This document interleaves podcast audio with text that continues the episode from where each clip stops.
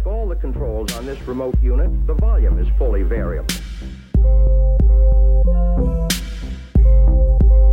Should the Ja, jag telephone tror ring... drar igång för annars riskerar att vi tar av lunchtiden här. Det kanske vi ändå måste göra. eh, Men eh, eh, jag tror vi drar igång och pratar om anestesi hjärtkirurgi då. Och eh, då tänkte jag bara som första slides här några reflektioner kring det Erik sa och lite kort repetition bara så ni förstår de viktigaste sakerna här. Eh, om ECMO först. Eh, vi skiljer ju då på VA-ECMO och VV-ECMO.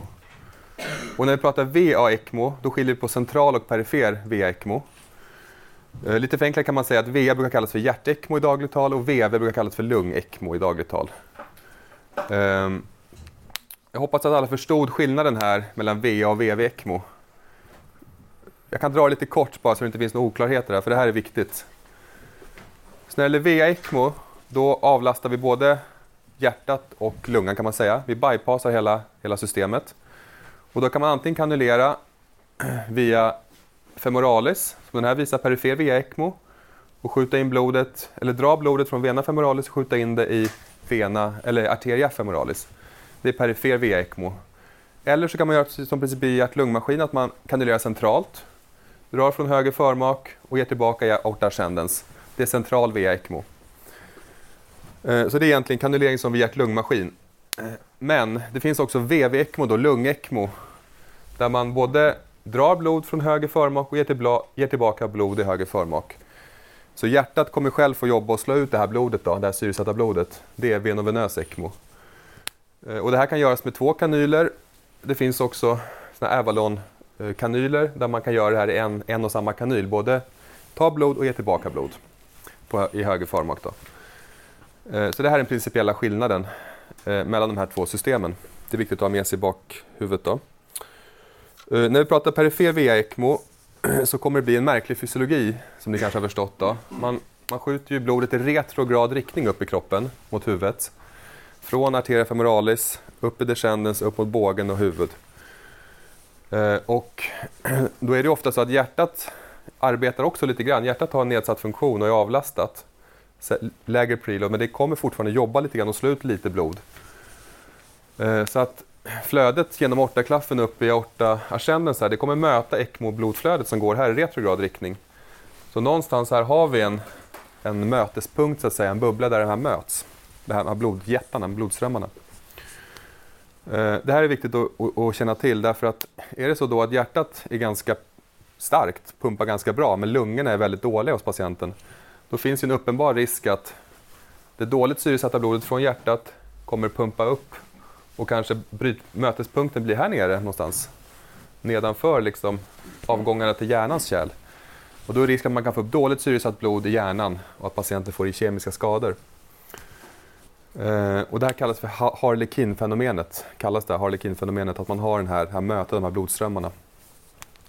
Därför mäter vi alltid syresättning i höger radialis artär hos de här patienterna som ligger på perifer via ECMO. Då. Därför att har vi en god syresättning här, då har vi förmodligen ett ECMO-blodflöde som försörjer både höger arm men även upp till hjärnan. Då. Det är hjärnan vi egentligen är mest rädda, rädda om så att säga. Så alltid mäta syresättning i höger radialis. Det är viktigt. Eh, ECMO det är inte för alla patienter. Eh, vi måste selektera vilka patienter vi lägger på ECMO. Och det finns också situationer då vi inte ska lägga patienter på ECMO. Det här är väldigt viktigt. Eh, och det är också viktigt att välja rätt ECMO-system. Är det VA-ECMO vi pratar eller är det VV-ECMO patienten är beroende av? Eller är det så att vi ska lägga ett kombinerat system, VA-V-ECMO? Man kan kombinera också och ha en shunt, så man shuntar både till vensidan och artärsidan. Ehm, Det går också. Och vad är det här brygga till? Är det en brygga till att patienten ska bli helt frisk? Är det en brygga till transplantation eller till en vänsterkammarassist? Eller vad är liksom slutmålet för den här behandlingen? Det är viktigt att tänk, alltid ha med sig i bakhuvudet. För det är ju en korttidsbehandling, även om vi nu kan prata flera veckor på ECMO är möjligt. Men det är inte år vi pratar om här, utan det är en korttidsbehandling ändå. Kort och medeltid. Ehm, uttalad AI funkar inte, typ A-dissektion funkar inte att lägga patienter på ECMO. Sepsis har nog hänt att vi lägger de patienterna ibland på ECMO, men eh, det är inte alltid det slutar bra. Refraktär septisk chock och ECMO går inte alltid ihop. Eh, men det ska säga en liten gråzon och där får man ta en diskussion eh, hur man ska göra. Stamcellstransplantation, hög ålder. Patienter som har hög ålder har en mycket sämre prognos. Eh, men det är också en diskussionsfråga såklart. Så vi pratade tidigare om hur en 70-åring de facto är. Biologiskt så att säga. Det, det kan skilja sig väldigt mycket. Multiorgansvikt. Eh, om patienten har mekaniskt ventilerats lång tid innan ECMO, har legat på IVA lång tid, tappat mycket muskelmassa, fått förstörda lungor och så vidare, då säger sig självt att eh, prognosen för den patienten är mycket, mycket sämre. Även sjukhus med låg volym av ECMO-patienter. Det kräver en viss vana, det kräver rutiner, det kräver kontinuerlig övning för att kunna hantera de här systemen. Så att sprida ECMO till små centra med små volymer av patienter, det är vissa som jobbar för det, lobbar för det. Men vi tror, vi tror inte på det, utan vi tror att man ska centralisera det här eh, till oss då, eller till ECMO-centrum. Eh, vi kör VA-ECMO för vuxna patienter. Vi kör sällan VV, utan det är framförallt VA-ECMO. ECMO-centrum eh, som vi ligger granne, vägg i vägg med, de kör ju barn och VV-ECMO, då lung-ECMO. Så det är skillnad mellan oss, men vi har ett visst samarbete också. Och sen är det här med ECMO-HLR. ICPR som är väldigt i, i rampljuset just nu och det är mycket fokus på det här. Det sker en hel del projekt för att få det här att funka. Uh, ni har säkert hört talas om det eller läst om det. Ni kommer säkerligen bli inblandade också i hanteringen av patienterna som har hjärtstopp och där man kan fundera på att lägga dem på ECMO eh, för att ha möjlighet att rädda patienten. Men här är det väldigt viktigt att hela kedjan måste funka för den här patienten. Det är från prehospital vård in till sjukhus och sen måste allt det här snurra igång och patienten hamnar på ECMO. Eh, och det är väldigt viktigt att man får den här första biten också att funka, den prehospitala biten att funka. Det, det, det räcker inte om vi är jätteduktiga att lägga patienter på ECMO utan det måste funka hela vägen. Hela kedjan är, är jätteviktig. Det är teamarbete i allra högsta grad. Eh, vi måste ha ett PM som vi kan följa strikt. Vi måste kunna välja rätt patient för det här. Eh, och vi måste kunna fatta beslut med väldigt kort tidsfönster. Vi måste ha väldigt klara riktlinjer och där vi också ska motivera varför vi säger nej till en patient. För det handlar om att minska tiden från hjärtstopp till att patienten hamnar på ECMO. Load and go prehospitalt snabbt som tusan in till sjukhuset och sen snabbt som tusan fatta beslut om man ska gå vidare med ECMO eller inte. HLR måste vara av god kvalitet också. Vi måste kunna utvärdera HLR vi gör. Eh, det är väldigt viktigt. Dålig HLR, då blir det dåligt oavsett om vi lägger patienter på ECMO eller inte. Ja. I och med att de flesta sjukhusen inte har ECMO mm. och man pratar om att det ska vara ett, eh, ett prehospitalt. Vilken roll kommer det få på hjärtstopp Mm. ECMO, alltså ska det vara... Exakt. Alltså en sak, och det är någonting man kanske måste ha för att för nu är det så att du ringer från Huddinge till ECMO-centrum så kommer du och kannulerar. Bara den resan dit tar ju liksom tid, eller hur? Eh, så att oavsett om du ringer direkt när du får in patienten i akuten och du säger att det här kan vara ett fall för ICPR och du ringer, då tar det liksom kanske en timme till patienten de facto är på ECMO. Det tar ju det, liksom, transporten och allting och, och kanulera och allting. Eh, där skulle man ju kunna Eh, snabba på genom att faktiskt kanulera på plats eh, och kanske ha kompetens att starta igång ECMO-systemet. Jag tror det är nästan en nödvändig förutsättning. Sen att däremot, och sen får trans patienten transporteras till ett ECMO-centrum i ett senare skede. Men att snabbt komma på ECMO, det är nog en nyckelfaktor. Och där måste vi nog få ut ECMO-system på de olika sjukhusen tror jag. Det är enda sättet för att det tar för lång tid annars. En bra poäng du hade där. Uh, ja, indikationerna för att starta ECMO under pågående hjärtstopp. Det här är från Göteborg, det är Sahlgrenskas PM som jag har snott lite här. Vi håller, på, vi håller på att jobba på vårt PM och vår organisation för det här. Det är inte helt klart ännu, så jag, jag tar Sahlgrenska som är det center i Sverige som har mest erfarenhet och som har en fungerande struktur för det här. Uh, och de har då satt upp sina kriterier som är ganska hårt satta, ska sägas, men det är säkert rimliga kriterier. De har ju följt sina patienter. Alla sina patienter har de tittat på och sett vad är det som slår ut och vad är det som vad är det som ger ett bra resultat i slutändan? Och jämfört det då med forskning som har bedrivits på området. Eh, och de säger tid från hjärtstopp till ECMO-start. Är patienten under 65 år så har man 45 minuter som gräns. Är det en yngre patient, eller 65 år, ja 65 år, då är det 45 minuter. Är patienten yngre, då kan man acceptera, under 60 år, då kan man acceptera längre tider. Och är till exempel menar, en tonåring eller så, så kan man gå upp rejält i tid om det har varit en bra HLR. Då. Man vill helst ha som primärut VT-VF. Eh, asystoli och PA, då säger man in hospital cardiac arrest och unga patienter med out of hospital cardiac arrest. Eh, och no flow time, det man mycket pratar om, från kollaps, alltså från hjärtstoppet till begynnande av HLR under tre minuter. Så i princip så krävs det bystander HLR för de här patienterna. Och sen kan man också bedöma HLR-cirkulationen och då tittar man på pupilldiameter, entidalt koldioxid, vakenhetsgrad och man tar en blodgas och tittar på laktatet. Ett laktat under 10 är förenat med viss framgång för den här typen av patienter. Laktat ska säga över 15, det är väldigt dåligt, dåliga resultat. Så någonstans 10, i alla fall under 15 vill vi gärna ha när vi ska starta, om vi ska gå på ECMO. Ehm, och sen finns det lite speciella situationer med hypotermi och sådär som man, man kan twista till det lite till och ge lite längre tider. Då. Men i princip så är det här som gäller Göteborg. Jag tror vårt PM kommer se lik, liknande ut. Kanske inte exakt, men det kommer se liknande ut. Ja, detta som en kort utvikning. Nu ska vi prata hjärtanestesi och vi ska gå från den preoperativa bedömningen till att börja med. Sen ska vi gå igenom vissa diagnoser och prata mer om det. Då. Men vi börjar preoperativt. Ja, egentligen, vi preoperativa våra bedömer eh, våra patienter på, på hjärtanestesin eh, så, så är det ingen konstig mall egentligen vi använder. Vi tittar på faktorer som ni också tittar på när ni preoperativt bedömer era patienter. Eh, operationsindikation, eh, operationsmetoden, klaffval och kanuleringssätt kommer in här, kan spela roll. Inte sällan får vi frågor från patienten vilken klaff man ska sätta in och så, så det är bra att vara påläst och veta vad som kirurgen har planerat. Är det så att man ska gå i arrest så kräver det en viss typ av monitorering till exempel. och Så vidare. Så det är bra att vara påläst och prata med kirurgen innan om möjligt. Patientens bakgrund, sjukdomar, överkänslighet, rökning. Lungorna tar mycket stryk under ECC-körningen så att rökande patienter med KOL astma det är alltid stor risk för längre IVA-vård efteråt. Tidigare hjärtkirurgi är en viktig faktor, slår väldigt hårt när det gäller morbiditet och mortalitet. Om man har gjort hjärtkirurgi vid tidigare tillfälle, de patienterna har en klart ökad risk för ny, för ny hjärtkirurgi. Då. Eh, så det slår väldigt hårt, det tittar vi på. Eh, esofaguspatologi, vi ska ner med en prob i esofagus för att göra eko. Har patienten esofaguspatologi som, eh, som är värt att notera, jag återkommer lite till det också. Luftväg i allmänhet, pacemaker, har patienten en pacemaker, vad är det för typ av pacemaker, hur funkar den, när kontrolleras den senast och så vidare. Uh, utredningsmässigt så ska det mesta vara gjort vad gäller eko, lungutredning och så. Så vi har på det sättet ganska lätt hos oss. Uh, det är sällan man måste liksom beställa ett eko eller beställa en utredning, utan det ska vara gjort innan. Uh, och mycket handlar om att informera och lugna patienten inför hjärtkirurgin. Då. Det, är ju, det är ju mycket oro förknippat med hjärtkirurgi, vilket är naturligt. Så det mycket handlar om att lugna patienten och informera patienten. Ja, medicinmässigt då, det är alltid frågan om vad, vad är det vi behåller operationsdagen och vilka mediciner sätter vi ut operationsdagen? Det är ju alltid den frågan man får och eh, det vi absolut vill att patienten tar operationsdagens morgon, det är betablockad. Det känner ni säkert till, ni hanterar säkert patienter på samma sätt hos er.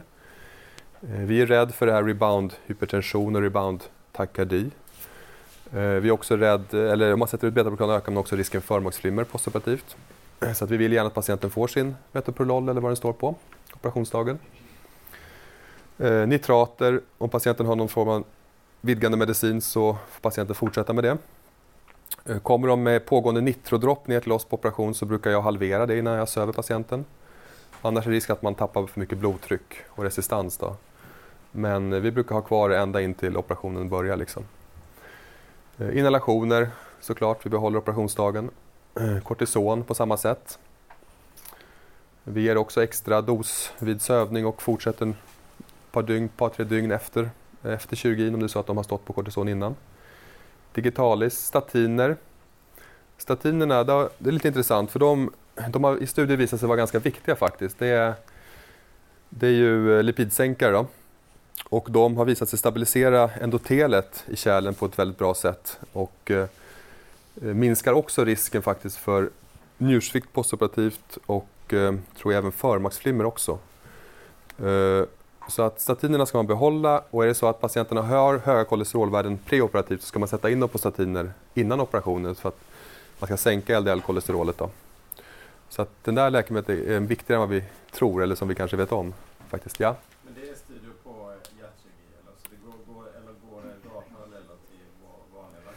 Jag tror ni kan dra paralleller till den hjärtsjuka patienten hos er också i vardagen. Sen eh, hos oss är det lite speciellt med hjärt-lungmaskin och allt, hela den biten och kärlpåverkan och så, men jag tror ni kan dra paralleller till er också eller det. Eh, diuretika, eh, där är det liksom conflicting evidence vad gäller diuretika, behålla eller inte behålla. Patienten får ju alltid diuretika intravenöst hos oss på operation. Eh, så helt ärligt så tror jag inte diuretikan uppe på avdelningen ett par timmar innan operation gör stor skillnad egentligen. Eh, Detsamma gäller egentligen kalciumflödeshämmare också. Också lite conflicting evidens om man ska behålla eller sätta ut operationsdagen. Står de på mycket blodtryckssänkare i övrigt, till exempel en hög dos betablockad, då kanske man kan hoppa kalciumflödeshämmaren. Har de högt blodtryck preoperativt och ingenting annat som, som blodtryckssänkare, då kanske man kan ge den. Men det är återigen upptaget just den dagen i det tillstånd patienten är kontra vad som händer på operation. Det är väldigt oförutsägbart. Det vi inte tar operationsdagen, Metformin. Eh, säkert samma hos er. Eh, sen har vi de här ACE och antrombin 2-hämmarna. Eh, där det finns studier som pekar i båda riktningar också. Ska man sätta ut eller ska man behålla det? Och vad har det för effekt egentligen? Eh, vi är rädda för hypotension och vasoplegi av de här läkemedlen. Eh, patienten kan efter ECC hamna i ett vasoplegt tillstånd som är väldigt eh, farligt för patienten. Eh, och man har sett i vissa studier att de här läkemedlen kan öka risken för att hamna i det tillståndet, vasoplega tillståndet. Eh, och det gör nu att de flesta av oss sätter ut de här läkemedlen. Men, eh, och, det, och framförallt om det är på indikation sänka blodtryck. Är det på indikation hjärtsvikt och patienten är stabil och har ett bra blodtryck och så vidare och det kanske inte är en jättelång maskinkörning som planeras heller, kan man kanske tänka sig att behålla det. Ehm, det finns lite olika studier som pekar i olika riktningar. Det är också oklart vad gäller njursvikt. Eh, det kanske du Daniel, du som har forskat lite på det här med njure och fast, conflicting evidens vad gäller njursvikt. Vissa studier pekar i riktning att det minskar och andra tvärtom. Så jag brukar som regel sätta ut det. det. Det är min approach till det hela. Insulin, ni kör som vanligt som ni lärde. Premedicinering, jag ska säga att det, samtalet är den viktigaste premedicineringen och informationen till patienten är den viktigaste premedicinering. Eh, farmakologiskt föredrar jag att spruta någonting effektivt nere på operationen när patienten kommer. En snabb PVK och sen ge någonting starkt, fentanyl, midazolam någonting i bra dos så att de blir lugna. Eh, tabletter någon timme före tror inte jag har så stor effekt alltid. Ska man ge någonting, kanske också scan som är lite mer kortverkande. Stesolid har väldigt lång halveringstid och lång effekt även efter operationen Jag skulle undvika Stesolid en kort bensodiazepin om man måste ge någonting. Alvedon, Oxycontin. Om man tror på det här med preemptive analgesia kan man kanske ge något sånt men eh, jag tror få av oss ger det faktiskt innan operation. Ja, sen har vi det här med antikoagulantia då. Eh, och det är ett svårt område och det är någonting som man tyvärr drabbas av eh, om man rör sig. Ja, det drabbas ni också av men också inom thoraxvärlden. Att många patienter står på något av de här läkemedlen innan operation det är jättebra om man känner till vilken mekanism läkemedlet används, Eh, som läkemedlet använder och vilken indikation patienten har insatt på såklart. Men det är också väldigt viktigt att känna till utsättningstiden före kirurgin. När måste patienten ha satt ut sitt läkemedel för att vi ska kunna operera patienten? Eh, så jag har försökt att spalta upp det lite grann. Dels mekanism och sen på slutet kursivt utsättningstid före kirurgi. Ehm, och vi pratar ju, de två grupperna vi pratar om, det är NOAC och sen är det trombocythämmarna. Ehm, sen har vi Rixtra som verkar via antitrombin 3 och är en indirekt faktor 10-hämmare kan man säga. En liten egen grupp i det här. Eh, bland NOAC då, då har vi faktor 2-hämmare och faktor 10-hämmare. Pradaxa har en antidot, Praxbind. Eh, 80% clearas via njuren. Så att har patienten en njursvikt, GFR någonstans 30 tror jag man brukar säga som cut-off, under det då får man räkna med längre utsättningstid, kanske upp mot 4-5 dagar. Eh, men den har en antidot som heter Praxbind och som funkar bra. Tyvärr är det inte den som används. Det är inte det vanligaste NOAC-preparatet i Stockholms läns landsting utan det tror jag faktiskt är Eliquis, Apixaban, som inte har någon antidot då, tyvärr. Eh, men de, det forskas ju på det här så det kanske kommer komma i framtiden men just nu finns det vad jag vet ingen antidot till det här. Där får man också tänka njurfunktion och utsättningstid, men någonstans mellan två till tre till kanske fyra dagar ehm, utsättningstid preoperativt. Eh, Arixtra, eh, minst 24 timmar vid normal njurfunktion brukar vi sätta ut Arixtra. Har patienten en njurfunktionsnedsättning så kan det ta längre tid. Då får man tänka även där flera dagar. Faktiskt. Så att, eh, men tänk, kom ihåg Arixtra någonstans ett dygn vid normal njurfunktion. Ehm, um, trombocythämmarna, asatrombyl, det kan de ta fram till operationen. Eh, däremot de här eh, ADP-receptorhämmarna, P2Y12-hämmarna, Ticagrelor, Prasugrel, Clopidogrel, de är vi lite mer rädda för och framförallt de här som heter Brilic och Effient. De gillar vi inte därför att de är svåra att reversera. Det finns ingen känd antidot. Eh, och eh, Ticka har dessutom en aktiv metabolit som har väldigt lång halveringstid.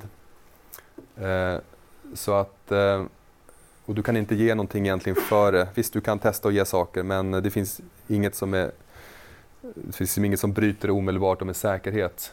Eh, Brilic, minst tre dagars utsättningstid, som kortas gärna fem dagar. Eh, Effient, sju dagar. Där kan man faktiskt ge trombocyter. Det har, trombocyttransfusion kan ha en viss effekt för att bryta den effekten.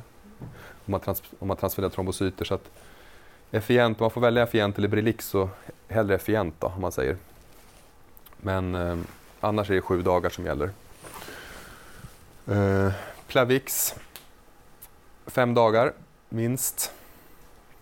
Eh, och det är många som står på Plavix. Jag menar, de allra flesta har ju nästan det på något sätt. Så många har ju dubbeltrombocythämning och där får de väldigt noggranna eh, rekommendationer att sätta ut det fem dagar preoperativt. Däremot de som kommer in akut med akut koronärt syndrom och sätts in på Brilic mer akut, där det blir ett problem då. Och ibland är det på fel indikation också om man har fått Brilic. Sen med infusionerna, de andra starka trombocythämmarna, GP2B, 3A-antagonisterna. Ja, ibland har de det inneliggande på HIA med pågående infusion. Och där ser ni utsättningstiderna för de preparaten. Det är inte så vanligt ska jag säga, men det förekommer. Ja, optimering då. Ehm vi kan kanske optimera patienten preoperativt, eh, jobba på olika sätt att försöka få patienten i bättre skick. Eh, korrigera anemi, titta på antikroppar.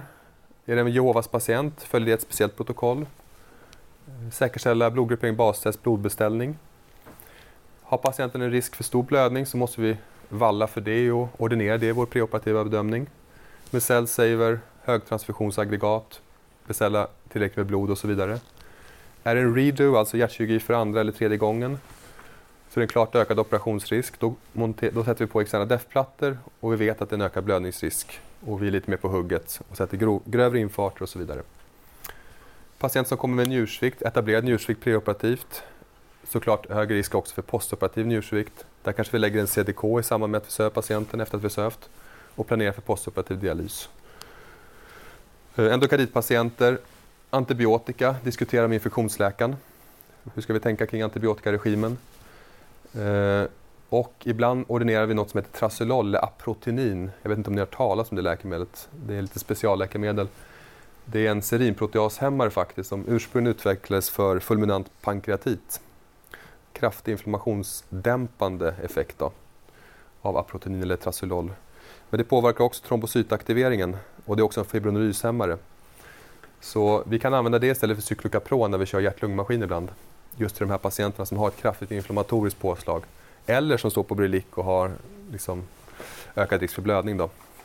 Så väljer vi ibland att gå in med Trasolol istället. Invos har vi pratat lite om. Eh, bedöma antikoagulationen. Ehm, kanske mäta effekten platelet works. Vi har möjlighet att mäta ADP-receptorns, eh, hur mycket den är hämmad eh, med en maskin, point of care-maskin. Eh, Patienter med vänsterkammarsvikt preoperativt. Ska vi tänka Simdax preoperativt?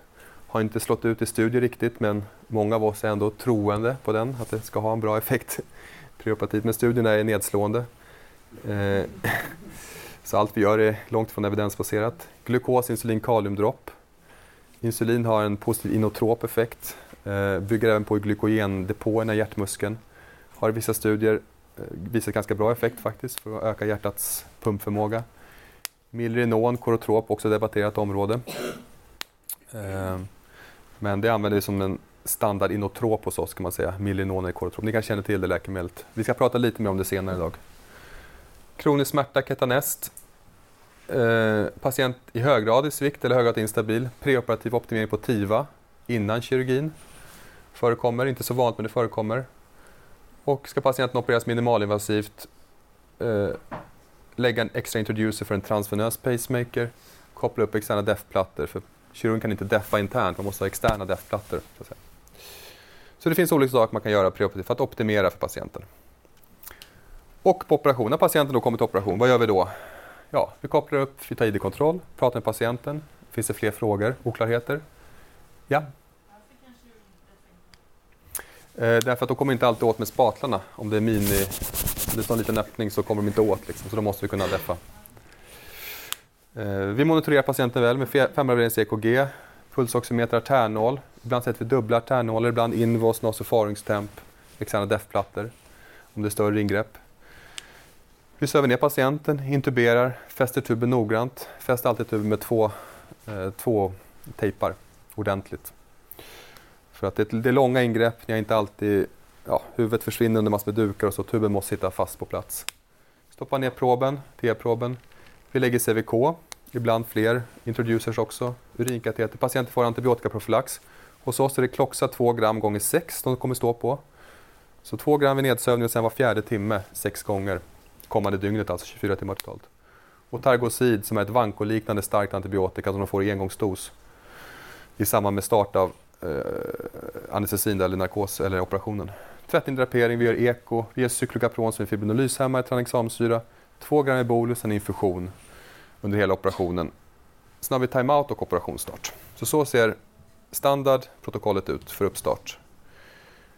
Eh, och vi lägger CVK och vi lägger CVK ofta med ultraljud om man är lite yngre och oerfaren. Om man är äldre och erfaren eh, så har man inte lärt sig ultraljudet, så man lägger det blint. Och det funkar alldeles utmärkt faktiskt om man har eh, röntgenögon, höll jag på att säga. Eh, om man har vanan inne och gör det liksom varje dag, du lägger en till två CVK varje dag året, året ut och alla år, då, då kan du det här mer eller mindre. Men det är såklart att ibland går artären ovanför venen, ibland stämmer inte anatomin, det finns anomalier och du kan sticka fel. Eh, jag ska inte säga att, eh, jag ska säga att ultraljud är alltid bättre, det är golden standard och det kommer nog bli så att vi kommer alltid använda ultraljud. Men ganska många av oss, inklusive mig själv, sticker faktiskt alltid utan ultraljud. Eh, men jag använder vissa tips and tricks för att lyckas med det. Och är det så att ni någon gång kommer på akuten där ni inte har ultraljud eller ni måste snabbt få in en, då ska jag ge er några tips and tricks så ni klarar av det, kanske. Eh, okej, okay, då är det så här. Har ni möjlighet för det första att tippa patienten lite med huvudet neråt så är det jättebra för då kommer ni fylla upp hela systemet och ni kommer få ett större ett större kärl att sticka i. Eh, har man inte den möjligheten så kanske det blir lite svårare men då kan man använda anatomiska eh, riktmärken här. Har ni tur att kunna känna den här, de här musklerna här, sternocleidomastoideus som fäster på klaviken, då brukar alltid venen ligga här, jugularis ligga här i, i spetsen på den triangeln. Men det är långt från alltid man kan känna de här muskelbukarna. Men om ni gör det så sikta där. Eh, ni kan mäta avstånd från manubrium upp till eh, bakom, vad heter det, bakom örat, mastoiden. Eh, det brukar vara halva avståndet där. Man tänker den sträckan, halva sträckan, där brukar venen ligga. Eh, Palpera karotis, precis lateralt någon centimeter, oftast brukar venen ligga. Ibland kan ni till och med känna venen liksom med handen. Det finns ju lite venpulsationer också, det är lite så här, man kan känna att det är lite fluffigt precis där om patienten har en uppspänd ven. Då. Och våra patienter har ju ofta det för de är hjärtsvikt. De stasar bakåt så att det är ofta tacksamma patienter att sticka i. Um, stick alltid med eh, svart tunn nål först, Eh, sån här intramusknål. När ni letar kärlet, stick inte med den grova först. För skulle ni komma in i artären med intramusknål är det inte hela världen ofta. Bara dra ut så blir det spasm i artären och ni komprimerar några minuter och sen är det oftast bra. Men sticker ni med den grova då finns det risk att det blöder och strular till sig. Liksom. Så leta kärlet alltid med. Och sticker ni ipsilateralt, va? ni har lite riktning så ni sticker inte så, ni sticker lite utåt så. Så ni följer ipsilaterala mamillen, den riktningen. Och stick inte för djupt, ofta ligger kärlet bara någon halv cent, en centimeter under skinnet. Ofta ligger det väldigt nära hudytan. Så måste ni gå ner på djupet långt och leta, då är ni oftast fel. Sen finns det jätte, såklart tjocka patienter, tjocka halsar, det finns ju alltid. Ibland är det jättedjupt, men ofta är det väldigt ytligt. Sticker du med för vinkel? Sticker du liksom fram? 45 grader någonting. Ibland lite, kanske lite, 60 grader. Ja, sånt. Men hur mycket snabbare tycker du att det går? Det, för det är väl det enda skälet att inte använda utbudet? Det är för att du tycker att det går snabbare? Eller? Jag ser det som en utmaning. Nej, men alltså det är klart att det kanske går lite snabbare att göra det. Du slipper liksom drapera proben, du slipper be om den, du slipper hålla på och mecka med maskinen. Liksom. Eh, men visst, du kanske inte vinner supermycket tid på det men ehm, då? väldigt, väldigt sällan. Det är därför jag vågar fortsätta med det här också. För att jag kan motivera för mig själv så att säga. Eh, det händer att jag träffar, men då är det i allra, allra flesta fall med intramusknålen. Att det gör ingen större skada. Eh, men det kanske händer två gånger per år någonting. Då sticker jag väl rätt många patienter. Och hur ofta på kliniken, inte för liksom hinner inte då få ni kateter som är ligger i karot? Ja, det hände ju tyvärr två gånger samma vecka här för inte så länge sedan. Sen dess är ultraljud standard. har man sagt att det har man förbjudit. Eh, det hände tyvärr. Och en var tror jag en erfaren specialist och en var en ST-läkare. Så det är nog på väg bort det här utan ultraljud men ja, jag vet inte, jag har någon slags eh, ja, det är en härlig känsla att behärska det här och liksom det är, och kan man göra det patientsäkert så men det är såklart, det är svårt att argumentera mot ultraljud och framförallt i generation. I Göteborg kör man subclavia som rutin. Eh, man är lite rädd för att när man, när man hakar upp patienten med de här hakarna att det ska komma i, att det ska, att det ska klämmas åt katetern så man inte ska kunna ge infusioner. Det är därför vi inte gör det, men det funkar uppenbart. I Göteborg lägger man alltid subclavia. Så att det, man kan välja. Uh, jaha, det kom sådär ja. Ja, sövningsmässigt då. Hur tänker vi? Man kan säga att målen är att bibehålla blodtrycket och vi vill säkerställa koronarperfusionen. Eh, koronarperfektionen kan man räkna ut genom en formel diastoliskt blodtryck minus det endiastoliska trycket i vänster kammare. Nu pratar vi då vänster main då. Det blir ju tvärtom. Om man tänker höger då blir det ju trycken på högersidan man får prata om. Men det är deliver av syrgas till hjärtat, bibehålla blodtrycket. Vi vill också minska hjärtarbetet, lika viktigt, minska konsumtionen av syrgas. Välsövd patient, kanske betablockad, få ner takardin till en bra puls. Sen kan man också jobba med att dilatera koronarkärlen. Våra gaser, kanske i viss mån vårt Propofol. Patienter går på nitro såklart. Då dilaterar man koronarkärlen så patienten kan få mer syresatt blod in i hjärtat. Eh, det är väl de tre principerna vi jobbar med. Och hur gör vi för, rent praktiskt för att uppnå detta? Ja, vi vill ha en lugn patient. Så är patienten jättestressad och kommer in med vitt, liksom vitt ansikte så ger vi snabbt lite midazolam eller fentanyl så patienten blir lugn och relaxerad. Vi sätter alltid arternol in, in, in induktion, så alltid bra monitorering, jätteviktigt. Sen har vi noradrenalin i omedelbar beredskap, antingen uppkopplat till en perifer nål eller så har vi det i stor spruta så vi kan ge duttar åt gången så att säga, någon milliliter åt gången. Vad är det, 40 mikrogram per milliliter då eller?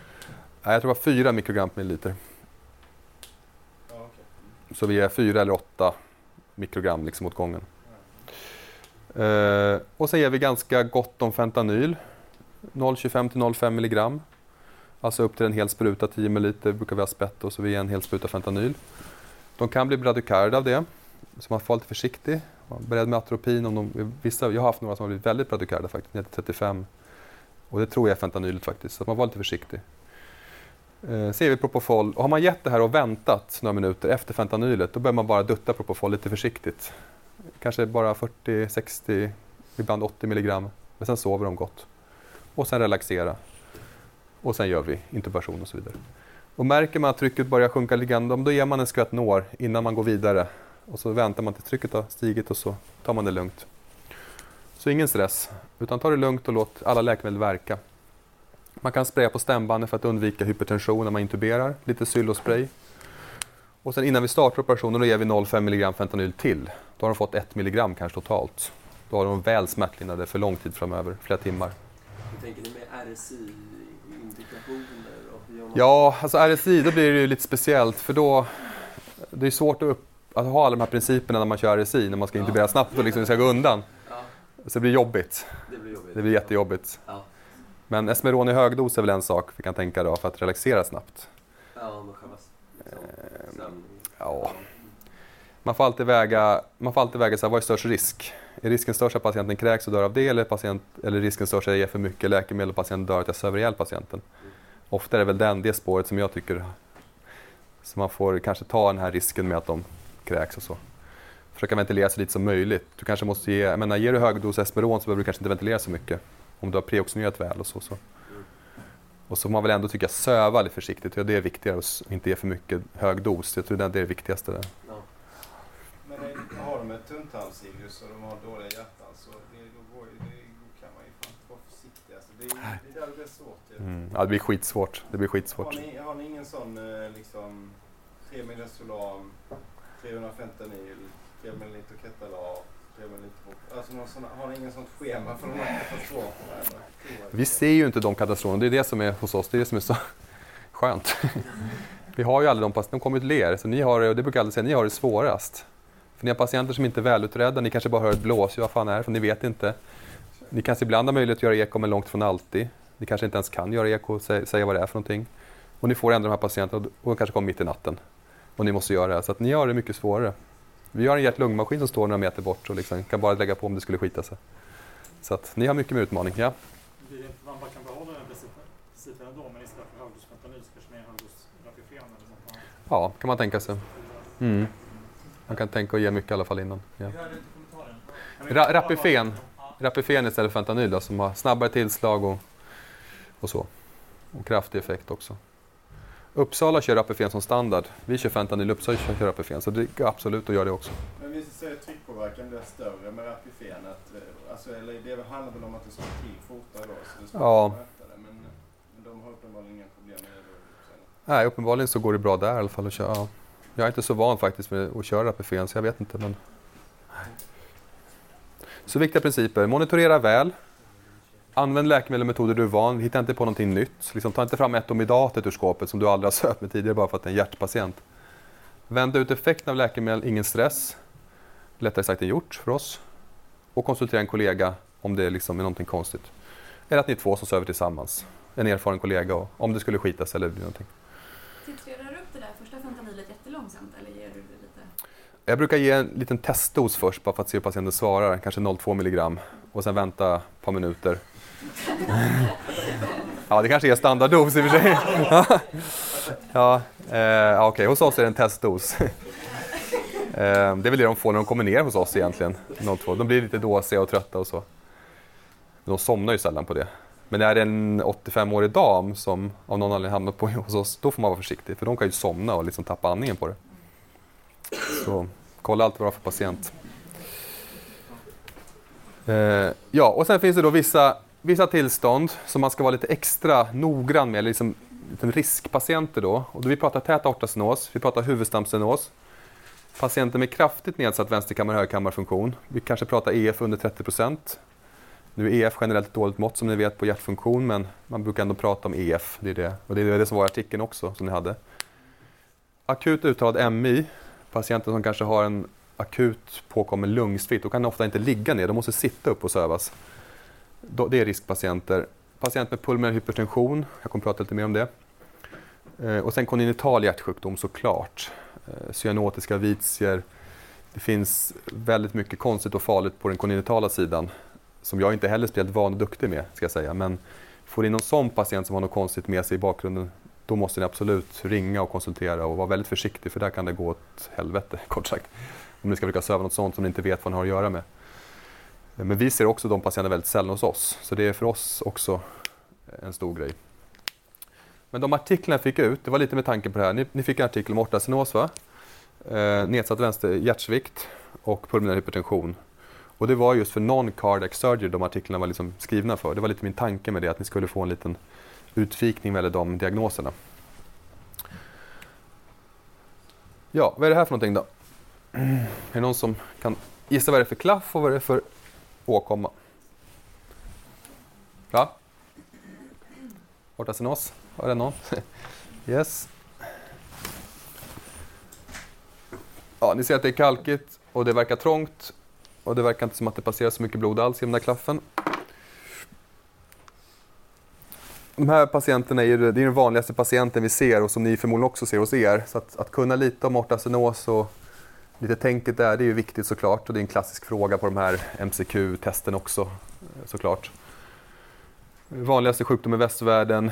Många äldre patienter har en signifikant aortastenos. Många patienter har också begynnande aortastenos med skleros i klaffen. Egentligen är det ju samma sjuka som koronarsjukan, liksom med, med inflammation och kalcium, kalkutfällning och så. Och många har ju samtidig koronarsjukdom också, upp till 50% av patienterna går med både och så att säga. Etiologin är ofta degenerativ, kalkinlagring. Men det finns också patienter med bikuspid aortaklaff, reumatiska vitier. Det finns också en del andra etiologier. Men det absolut vanligaste i västvärlden, nu pratar vi västvärlden då, hos oss är det degenerativ aortastenos. Ja, det kommer bli ökade fyllnadstryck i vänsterkammaren som kommer svara eh, med att eh, bli hypertrof. Vänsterkammaren kommer bli hypertrof, så kallad koncentrisk hypertrofi. Hjärtmuskeln kommer förtjockas. Den hypertrofa vänsterkammaren kommer uppvisa lägre compliance, kommer vara sämre på att ta emot blod. Eh, och den passiva fyllnaden kommer bidra mindre till vänsterkammarens preload så att säga. Förmakskicken som kommer som ett senare steg i diastole kommer bli mer viktig så att, att patienten behåller sinusrytm blir mer viktigt för de här, den här typen av patienter. Och jag tror det stod i artikeln också, om jag inte minns fel, att, att just att behålla förmak kontraktion är viktigt. Systole kommer förlängas i ejektionsfasen, diastole kommer förkortas. Det är under diastole som koronarperfusionen på vänstersidan sker framförallt, eller som den sker. Och för kommer vi ha ett minskat delivery av syrgas till vänsterkammarens hjärtmuskel. Samtidigt som hypertrof vänsterkammaren har också ökad, ökat behov av syrgas. Det är mer hjärtmuskel och behöver mer syresatt blod. Så det är olika mekanismer här som gör att patienten kommer gå med relativ, som brukar säga, relativ subendokardiell kemi från början. Fixed output state. Egentligen är det slagvolymen som är fixerad.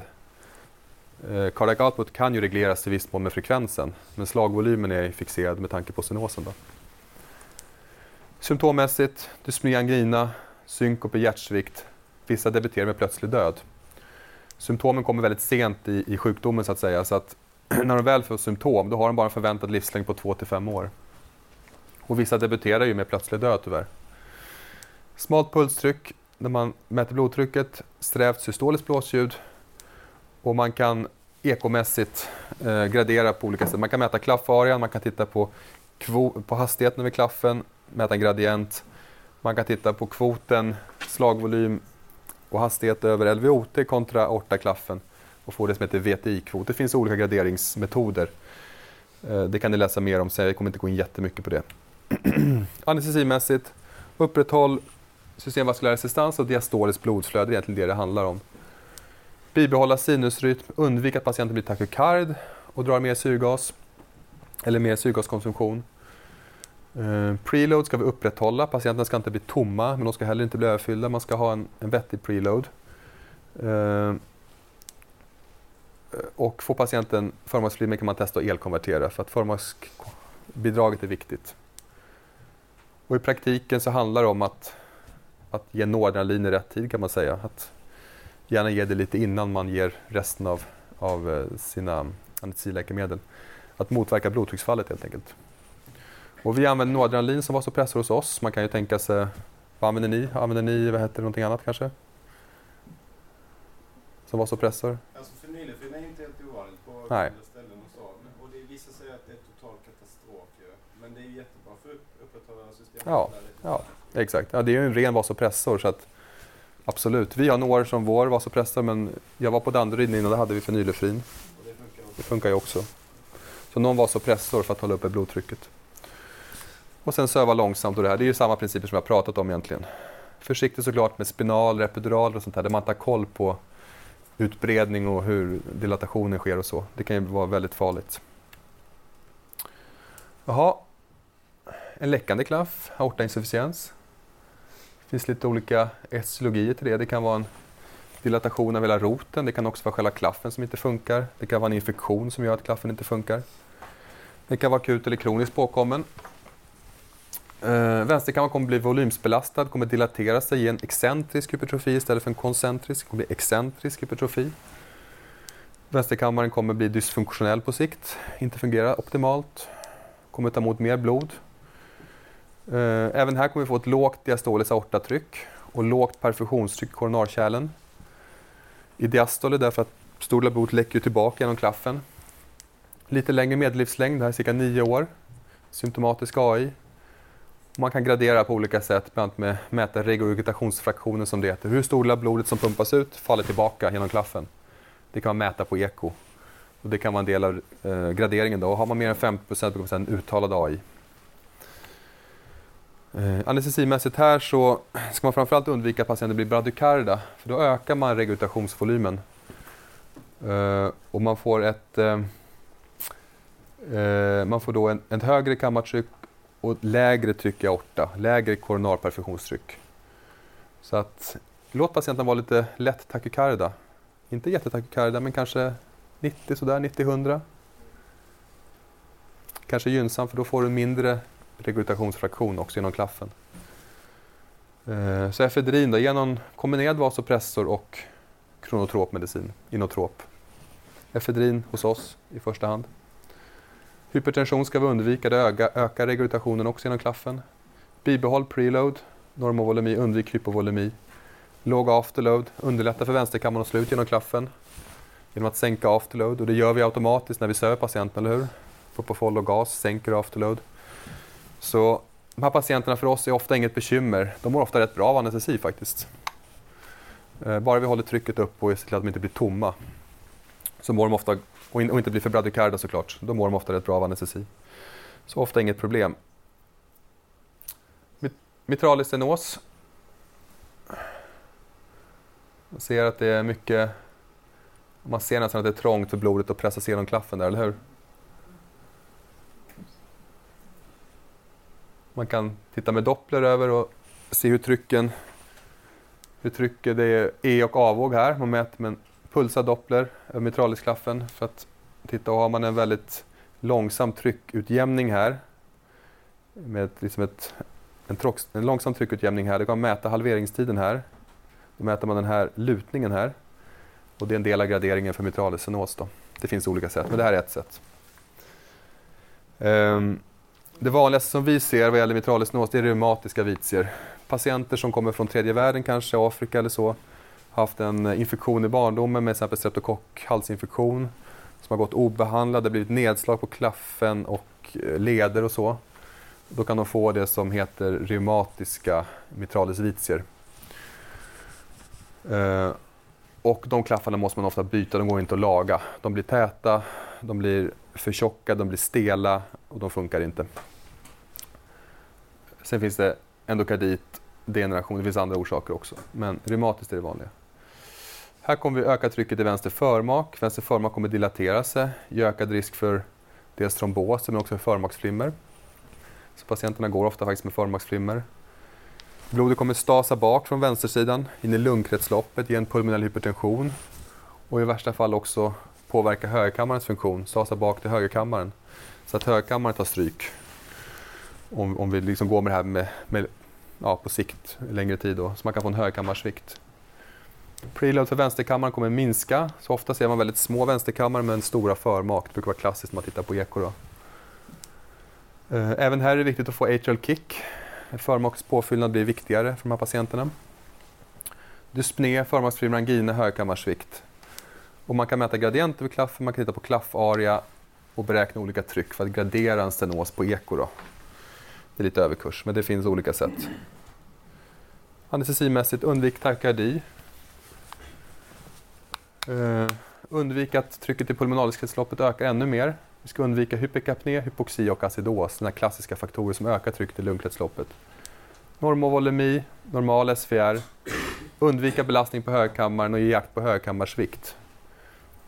Får patienten förmaksflimmer så, som jag sa, förmakskontraktionen är viktig. i Påfyllningen så deffa då, flökform sinus. Det kan vara väldigt svårt för de har kanske gått länge med det här. och De har dilaterade förmak. Man kan försöka. De kan vara knackiga postoperativt och kan behöva förlängd postoperativ respiratorvård. Och sen har vi den sista, det sista vitiet och klaffar på vänstersidan. Mitralis insufficiens som är desto vanligare, opereras ungefär en patient per dag hos oss. Och det allra vanligaste är att det bakre seglet här som ni ser prolaberar upp i vänster förmak, kallas för prolaps. Eh, prolaps av det bakre mitralisseglet är det absolut vanligaste. Så ni ser det är alltså vänster förmak, vänster kammare, baksegel, framsegel och här ser ni aortaklaffen. upp ni ser, när var nära aortaklaffen ligger mitralisklaffen också. Här, va? Så det är samspelet däremellan är viktigt också. Eh, och här ser ni när man lägger på färgdoppler en excentrisk jet, mitralisk insufficiens här. Som smyger längs framseglet upp här. Och det kanske inte ser så stor ut den här insufficiensen men det är nog förmodligen mer blod än vad man tror som smyger längs. Det blir en sån här, vad kallas det? Quanda-effekt eller ja, något sånt. Det är ganska mycket blod med högt tryck som pressas längs seglet där. Det kan vara funktionellt eller strukturellt. Det kan vara själva klaffen som inte funkar. Det kan vara närliggande myokard som inte funkar som gör att klaffen läcker. Som jag sa, mitralis är en väldigt komplicerad struktur. Allt måste klaffa perfekt från papillarmuskler till korde till själva klaffsegel. Är det något i det här som inte funkar så blir det problem. Eh, och då kan det bli läckage ofta. Akut påkommet eller kroniskt. Eh, ganska stor del av befolkningen har en prolaps i mitralis. Det är därför vi opererar så mycket av de här patienterna. Eh, vänster förmak kommer även här dilatera sig. Risk för högkammarsvikt även här i och med att du kommer ha ett blod som pressas bakåt genom lungkretsloppet i högersidan. Vänsterkammaren kommer volym, volymsbelastas och på sikt kommer vänsterkammaren också börja svikta. Eh, och när vänsterkammaren dilaterar sig så kommer även mitralis anulus, alltså klaffanulus, dilatera sig och då får man ännu mer läckage. Så att det blir en ond, kan bli en ond spiral i det där, ond cirkel. Eh, vänsterkammaren har en pysventil kan man säga. När vänsterkammaren pumpar så ut i aorta så pumpar den även blod och bakåt genom mitralisklaffen. Så man kan säga att vänsterkammaren är avlastad kan man säga i systole. Eh, och det gör att vänsterkammaren preoperativt vid en uttalad MI ska ha ett EF på över 60% för att man ska vara hyfsat säker på att det här kommer funka när man har lagat klaffen. För när man lagar klaffen och sätter in en ny klaff då kommer det vara stopp där. Pysventilen finns inte längre. Då måste all, vänsterkammaren palla och pumpa ut allt blod med aorta. Och går man med vänsterkammarsvikt från början, innan operationen, då kan det bli totalhaveri, totalsvikt efter när man har stängt klaffen, då, eller i ny klaff. Då. Så att man ska vara lite försiktig när man uttalar sig om hjärtfunktionen från patienterna preoperativt. Det kan se jättebra ut men det kan bli väldigt dåligt efteråt. Men det innebär också att en mitralisinsufficiens på en icke-kardiokirurgi måste alltid gå under en patient utan vänsterkammarsvikt men en hög IF. Annars det finns också vänsterkammarsvikt i botten. Ja, ja men exakt. De ska ha en hög EF. De ska, för att de ska ha normal hjärtfunktion, så ska de ha liksom en hög EF. Och, Så En bra- på 50 procent är dåligt. ja, det skulle jag säga. Exakt. Det, det kan indikera att patienten har underliggande vänsterkammarsvikt som blir problematiskt när man sen någon gång kanske åtgärdar klaffen. Kan kanske är 30 eller 25 procent efteråt. Då. Kanske behövs ECMO i värsta fall. Eh, dyspné, trötthet, sämre uthållighet, högkammarsvikt. Eh, man kan mäta jätten som går bakåt, kan man mäta den diametern på den. Ju större diameter, ju större, jet, ju större insufficiens är det. Någonstans 7 mm, är det över 7 mm brukar man säga en uttalad MI. Under 3 mm lindrig. Ett sätt att gradera, ett ganska lätt sätt att gradera eh, mitralinsufficiensen på. Anestesimässigt, faster, fuller, vasodilated. Ni kanske minns den här mnemoniken? Har ni hört den? Va- Faster, fuller, vasodilated. Går lite snabbt, välfylld, vasodilaterad, anestesi. Ja. Oftast inget problem att söva med patienterna heller. Det är, det är tacksamma patienter att söva faktiskt. Eh, men man ska inte få höga tryck i lungkretsloppet. Man ska jakt på hyperkapné, hypoxi och acidos. Det är viktigt. Och lite efedrin är bra här också. Om patienten tappar tryck och lite frekvens, ge lite efedrin så man får upp tryck och frekvens på det sättet. Men funderar ni mycket på respiratorterapin då, peroperativt? Eller alltså, försöka hålla låga pip och sådana saker? Eller? Ja, man kan jobba med det också, absolut. Det kan man göra. Det är sådär. Det är alltid svårt att värdera det där liksom, men ofta har ju de flesta patienter vi ser, de har ju gått med det här ett tag. De har liksom anpassat systemet till det här. Eh, hela fysiologin har liksom anpassats efter den här MIn då. De däremot som är svårare, de här som kommer in akut med akut MI, till exempel en, en papillarmuskelruptur och har fått en akut påkommen MI, då systemet inte alls är anpassat efter det här. De får ju ofta akut lungödem och kan ju svikta höggradigt liksom. Och där får man jobba på olika sätt med urvätskning och optimering av vänsterkammaren innan kirurgin. Ehm, och sänka afterload och så. Men de är ju mer svåra, hanterliga faktiskt. Okej, så vi har alla klaffvitier. Ta reda på vad som är orsaken. Är det akut eller kroniskt påkommet? Är det strukturellt eller funktionellt orsakat? Vad är liksom mekanismen? Det är viktigt. Ta det lugnt med nedsövningen, som alltid vid all, all, eh, alla hjärtsjuka patienter. Försök att bibehålla sinusrytm. Normovolemi, lätt att säga, men de ska inte vara tomma i alla fall. Eh, och kontraktilitet, jobba med något inotropt. Stenoser, upprätthåll systemvaskulär resistans, undvik takykardi. Eh, vid aortastenos har de ofta hypertrofa kammare som ofta behöver ganska mycket vätska postoperativt också. Så att de, ja, de kamrarna behöver ofta mycket volym, det kan man tänka på. De hypertrofa kamrarna. Blir de tomma så kan det bli problem. Eh, så att volym till dem är bra. Insufficienser, som jag sa, mild takykardi. Inte supersnabbt, men liksom kanske 90-100 någonting sådär. Mår de ofta bra av. Kammarfunktioner som jag sa kan maskeras vid mitralinsufficiens. Anestesi är oftast inget problem. Och vid mitralisvit specifikt, jakt på det här med högkammarsvikt, ha koll på den och pulmonalistrycken. uh, David